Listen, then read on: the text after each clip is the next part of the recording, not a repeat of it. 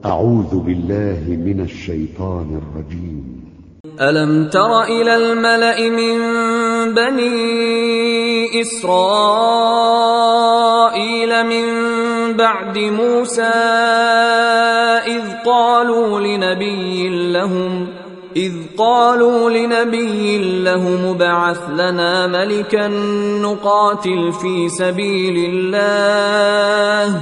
قال هل عسيتم إن كتب عليكم القتال ألا تقاتلوا؟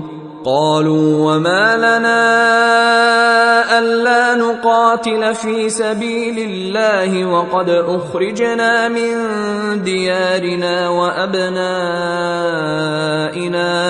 فلما كتب عليهم القتال تولوا إلا قليلا منهم. والله عليم بالظالمين.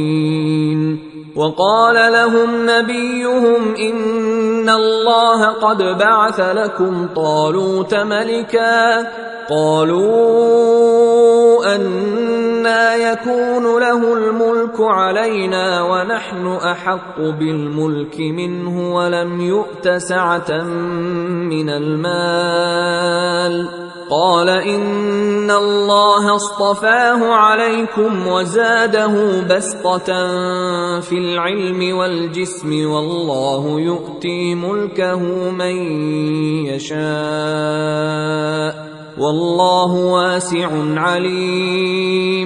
وقال لهم نبيهم إن آية ملكه أن يأتيكم التابوت فيه سكينة من ربكم وبقية مما ترك آل موسى وآل هارون تحمله الملائكة إن في ذلك لآية لكم إن كنتم